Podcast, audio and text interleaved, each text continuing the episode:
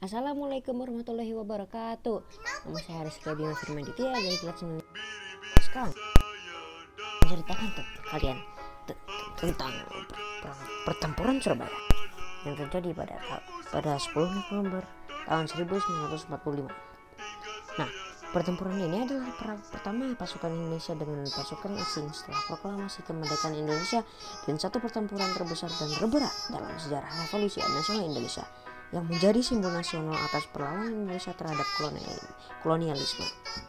Usai pertempuran ini, dukungan terhadap Indonesia dan dunia internasional terhadap perjuangan kemerdekaan Indonesia semakin kuat. 10 November diperingati sebagai diperingati setiap tahun sebagai hari pahlawan di Indonesia dengan tanggal 10 itu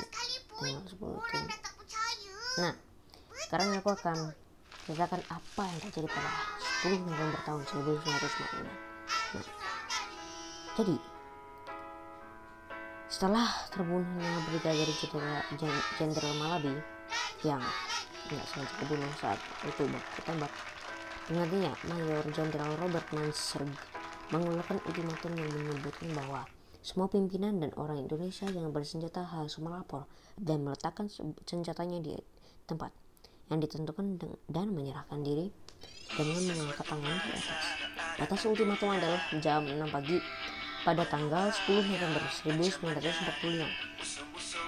Ultimatum tersebut kemudian dianggap sebagai penghinaan bagi para pejuang dan rakyat yang telah membentuk banyak badan-badan perjuangan atau milisi Ultimatum tersebut ditolak oleh pihak Indonesia dengan alasan bahwa Republik Indonesia waktu itu sudah berdiri dan PKI.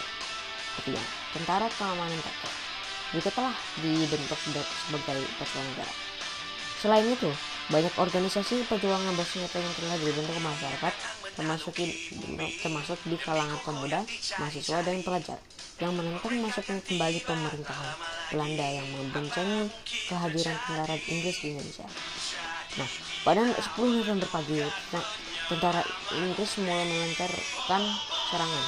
Pasukan sekutu mendapatkan perlawanan dari pasukan dan milisi Indonesia. Selain Bung selain Bung terdapat pula tokoh-tokoh berpengaruh lain dalam menggerakkan rakyat Surabaya pada masa itu. Beberapa datang dari latar belakang agama seperti kayak Hasan Asyari, Azekah, KH Wahab, Hasbullah serta kiai-kiai pesantren lainnya juga mengerahkan santri-santri mereka dan menyasarkan sipil sebagai milisi perlawanan. Pada waktu itu masyarakat tidak begitu takut kepada pemerintah tapi mereka lebih takut dan taat kepada para kiai atau ulama sehingga perlawanan pihak Indonesia ber, berlangsung alot dan hari ke hari hingga ke, dari minggu ke minggu lainnya perlawanan rakyat pada awalnya dilakukan secara spontan dan tidak terkoordinasi makin hari eh, terakhir pertempuran ini mencapai waktu sekitar tiga minggu.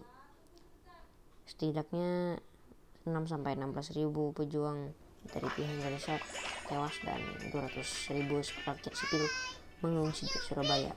Korban dan lainnya positif pasukan Inggris dan India kira-kira sejumlah 600 sampai 2000 yang mati pertempuran berdarah di Surabaya yang memakan ribuan korban jiwa tersebut telah menggerakkan perlawanan rakyat di seluruh Indonesia untuk melakukan perlawanan banyak yang gugur dan dari situ menjadi korban pada hari 10 November ini kemudian dikenang sebagai Hari Pahlawan oleh Republik Indonesia hingga sekarang.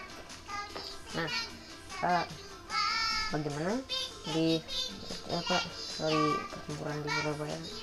Terima kasih untuk mendengarkan saya untuk ngomong.